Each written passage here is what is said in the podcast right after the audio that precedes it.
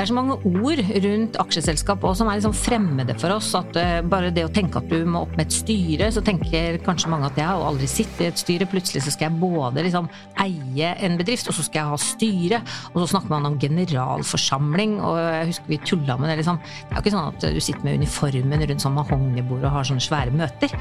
Alt det her skjer jo i starten på kjøkkenbordet eller på kontorbordet ditt.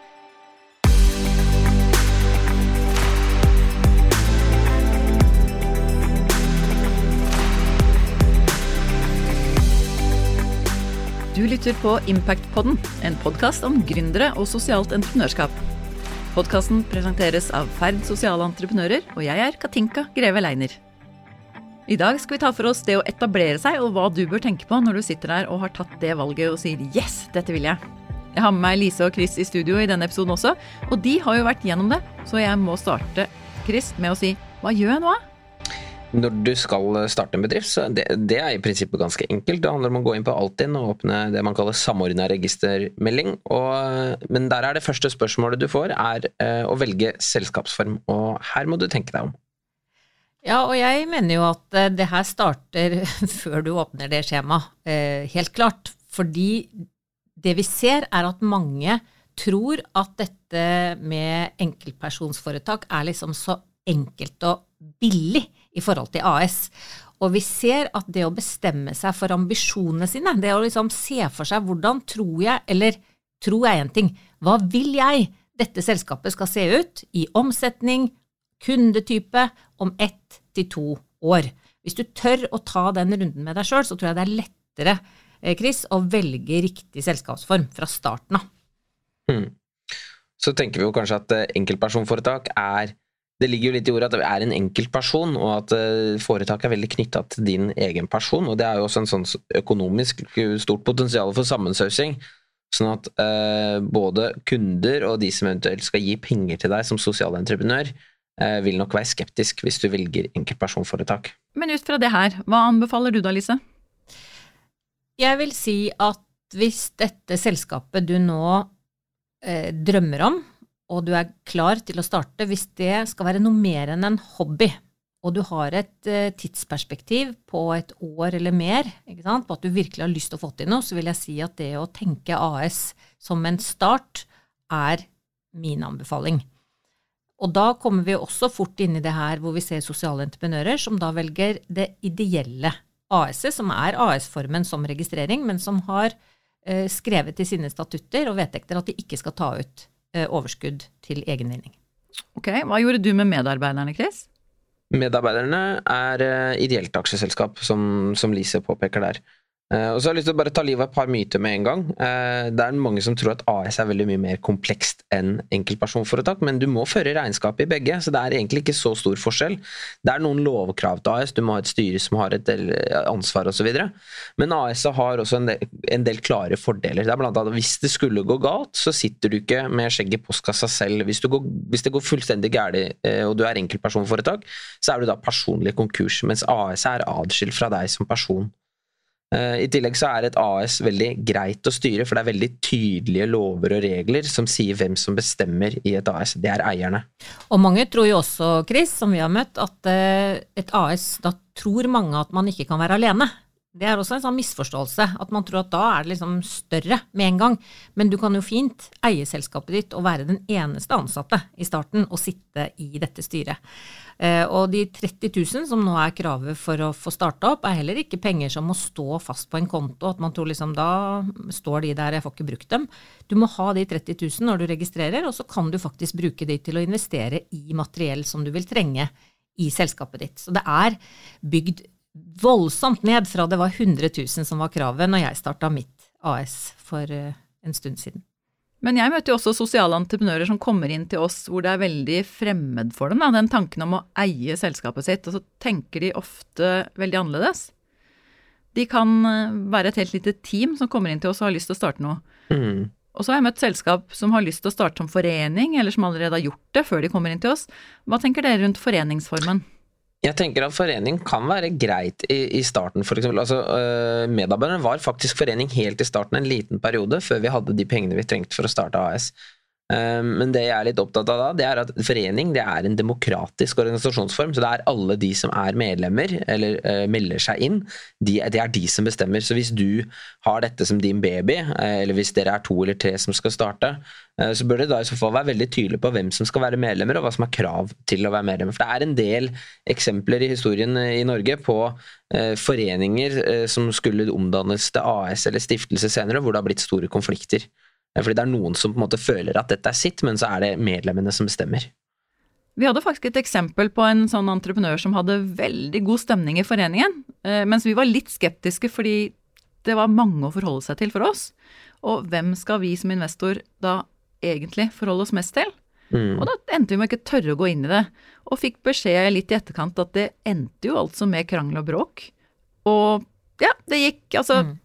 Eh, rett vest. Og så er det en annen litt sånn misforståelse som jeg har erfart, og det er at man tror at hvis man bare starter et enkeltpersonsforetak, så kan man etterpå gjøre det om ikke sant, til et AS. Og det vi ser, er at det er ganske mye plunder med å liksom overføre fra et enkeltpersons mm. til et AS og videre. Sånn at bruk heller tid nå, før du registrerer. ikke sant? Igjen, hvor stort skal det bli? Hvor mange? Hvem skal du selge til? Og så finner du da den selskapsformen som matcher det best fra starten av. Da har du også spart ganske mye tid og plunder i etterkant, da. Men jeg tror grunnen til at mange tenker enkeltpersonsforetak, i hvert fall som jeg har møtt, eh, tenker det, er at det, er så mange ord rundt aksjeselskap også som er liksom fremmede for oss. at uh, Bare det å tenke at du må opp med et styre, så tenker kanskje mange at jeg har aldri sittet i et styre. Plutselig så skal jeg både liksom eie en bedrift, og så skal jeg ha styre. Og så snakker man om generalforsamling, og jeg husker vi tulla med det. liksom. Det er jo ikke sånn at du sitter med uniformen rundt sånn mahognibord og har sånne svære møter. Alt det her skjer jo i starten på kjøkkenbordet eller på kontorbordet ditt. Så det er liksom å bygge ned alle disse orda, og, og hvis ikke du har noe erfaring, det her er en fin måte å starte selskap på.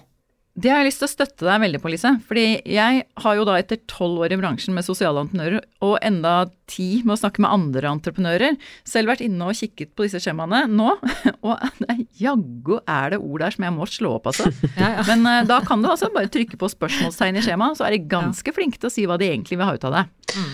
Eller så kan du google litt ved siden av, da. Og Norge er jo et enkelt land å etablere seg i, faktisk. For det er, gode skjemaer, og det er mulig å komme mm. seg gjennom, og mange gode hjelpere rundt forbi.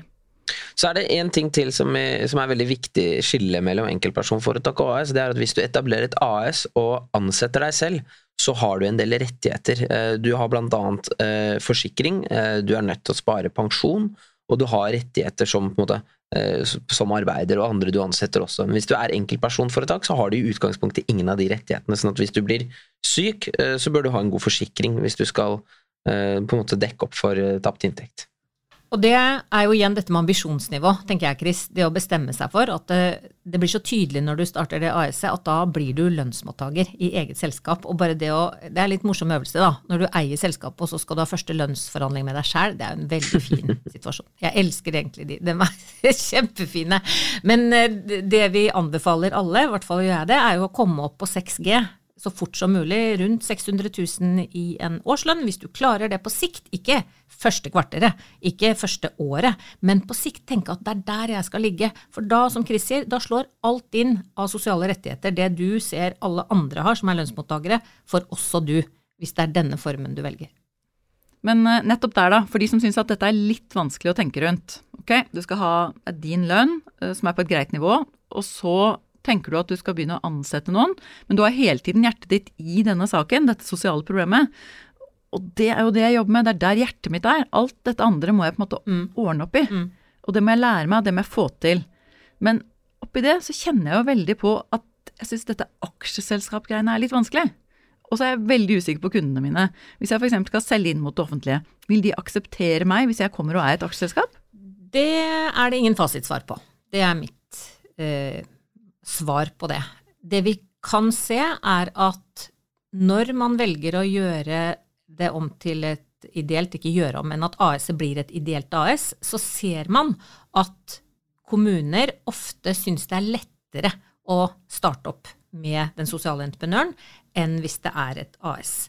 Og så kan man være uenig eller uenig, liksom, det burde man jo kanskje ikke spørre om, men da blir det plutselig politikk av det, tror jeg, Katinka. For da skal det opp til politisk behandling. Og hvis man da kommer inn og sier at vi er et AS, og vi skal drive med eh, innenfor helse og omsorg Jeg leste et sted alt som har noe med hjem i seg, barne, liksom, eh, eldrehjem, da tenker vi at det skal jo ikke noen få liksom, Det skal ikke noen tjene seg rike på.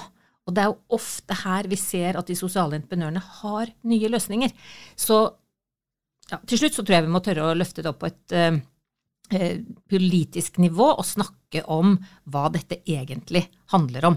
Og jeg mener jo det handler om å utnytte uh, offentlige midler på en bedre måte. Ref. Uh, perspektivmeldingen og at Norge er i ferd med å gå i luksusfellen. Jeg elska jo det oppslaget. Så ser vi jo sånn, sånn som Jeg har jobba tett med opplevelseskortet Join, som er en sosial entreprenør, og der så vi at ok, vi trenger en investor. Eh, vi trenger å hente inn penger for å utvikle denne applikasjonen sånn at den blir best mulig, sånn at den kan hjelpe barn som lever under fattigdomsgrensa i Norge. Eh, og Da var vi helt avhengig av å si at det AS-et ikke skulle være et ideelt AS for å få de investorene. For de er interessert i å få penger tilbake. og Det betyr ikke at de skal liksom grave ut masse penger fra, fra, norske kommuner, men det betyr at de finansierte den app-utviklinga, og de vil ha tilbake de pengene med renter og litt til. Uh, og vi har ikke opplevd at det er et eh, problem i innsalgsprosessen mot kommunene. Men det kan hende det er litt fordi vi, vi, selger noe som på en måte er det er software, uh, og det er, en, det er, en, teknisk løsning som vi selger inn til kommunen, og da stiller de ikke spørsmål om vi er ideelt AS eller ikke. Det tror jeg du har helt rett i. Ja, det har vi funnet ut gang på gang at innenfor teknologi og mer sånn harde mm. ting, eh, litt sånn som du var inne på, Lise, så er det ikke noe problem å handle fra private for det offentlige. Men det er innenfor velferden at de kan synes at det blir litt problematisk. Uh, og det er jo interessant at selv om du er et ideelt aksjeselskap og har en ideell, uh, et ideelt mål, så er du ikke ideell i en sånn formell vurdering fra det offentlige. Mm. Da kan du ikke ha noen private eiere inne noe sted i selskapet ditt. Så da må du eventuelt være en stiftelse. Og det ser vi at det er flere entreprenører som har starta som aksjeselskap og ønsket å være en sosial entreprenør, eh, og som i møte da med mange stiftelser og offentlige aktører og forsøk på å få tålmodige penger, så har de endt med å bli en stiftelse, fordi det er rett og slett for klønete å gå og være et aksjeselskap. Mm. Så her er det to verdener som møtes, bare for å ha sagt det. Det er det offentlige og den ideelle sektoren, og så er det næringslivet og måten å tenke på og drifte selskap på som skal klare å leve sammen i en slags samforståelse, og hvordan kan vi få det beste ut av alle verdener. Mm. Men jeg kommer jo tilbake til da, Katinka, at sosiale entreprenører må jeg sier ikke i en oppstartsfase klare det, men over tid må de klare å bli sylskarpe økonomer. Fordi det til slutt handler om at det offentlige skal ta en beslutning om dette prosjektet, denne tjenesten, er en god investering. Så dette hjertet, som du sier, å være så opptatt av målgruppa og, og være så god sant, på å levere der, må også bety å omregne de effektene. At vi klarer å måle hva som skjer med de menneskene over tid, som igjen kan spare eller utsette kostnader for det offentlige. Da, mm. jeg tror Det er først da, når vi kommer dit, at dette kan bidra til denne systemendringen. At vi tenker annerledes, og at offentlig og privat virkelig samskaper. Men så sitter jeg da i etableringen min der, og så tenker jeg at hvem er det jeg skal jobbe inn mot, og hvordan tenker de, og hvordan tror jeg da at jeg best skal kunne lande et samspill med dem. Eh, vi har ikke snakket så mye om stiftelser, men det er greit å nevne det eh, når vi nærmer oss en slutt, at eh, stiftelsen må jo bestemme seg for et formål når de etablerer seg. Og hvis du ikke helt vet hvordan du da skal levere og måten du skal løse ting på, så kan det å ha bestemt for mye på forhånd gjøre det litt klønete mm. underveis, og mm. vanskelig å gjøre store endringer da i en stiftelse, f.eks.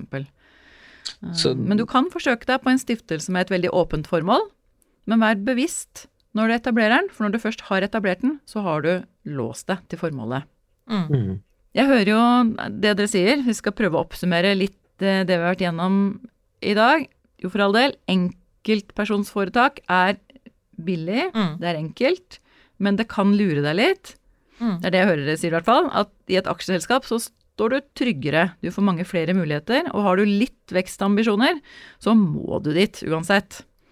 Uh, og så vil vi vel si at du bør vurdere et ideelt AS hvis du skal jobbe inn mot offentlig sektor mm. uh, og en mer ideelt orientert side. Mm. mm. Da har du ikke mulighet til å ta ut et overskudd og litt andre regelverk, men det kan være lettere å få forståelse for at du faktisk er en ideell virksomhet, og at det er det sosiale som driver deg. Mm. Så kan vi la det være en slags oppsummering fra vår side om drodlingen i dag. Så vil jeg gjerne legge til at, eh, at Ideelt AS har noen av de samme fordelene som stiftelser har, med tanke på at du kan registrere deg Frivilligregisteret, du kan få tilbake momspenger, og eh, enkelte ideelle AS får til og med fritak fra overs eh, skatt på overskudd. Godt poeng, for Frivilligregisteret er jo ikke nødvendigvis bare for frivillige, men faktisk for ideelle selskaper, så det er et godt tillegg, Chris. Mm. Og, og, da håper jeg at vi har klart å gi deg der ute litt mer innblikk i hva du har å velge i, sånn at du tør å ta de avkrysningene på skjemaet inn i samordnet registermelding og Altinn og alle disse forskjellige enhetene som du faktisk må bli kjent med når du skal gå inn og bli en gründer. Disse folka har overlevd det, og da kan du også. Husk som vi snakket masse om i forrige episode, spør noen, tør å få råd fra andre, og vi har forsøkt å gi deg våre som best vi kan. Da håper jeg du vil bli med oss inn i neste episode også, hvor vi tar for oss teamet ditt, hvilke ressurser du skal samle og få med deg inn i arbeidet for å skape best mulig sosial effekt og best økonomisk effekt. Vi ses!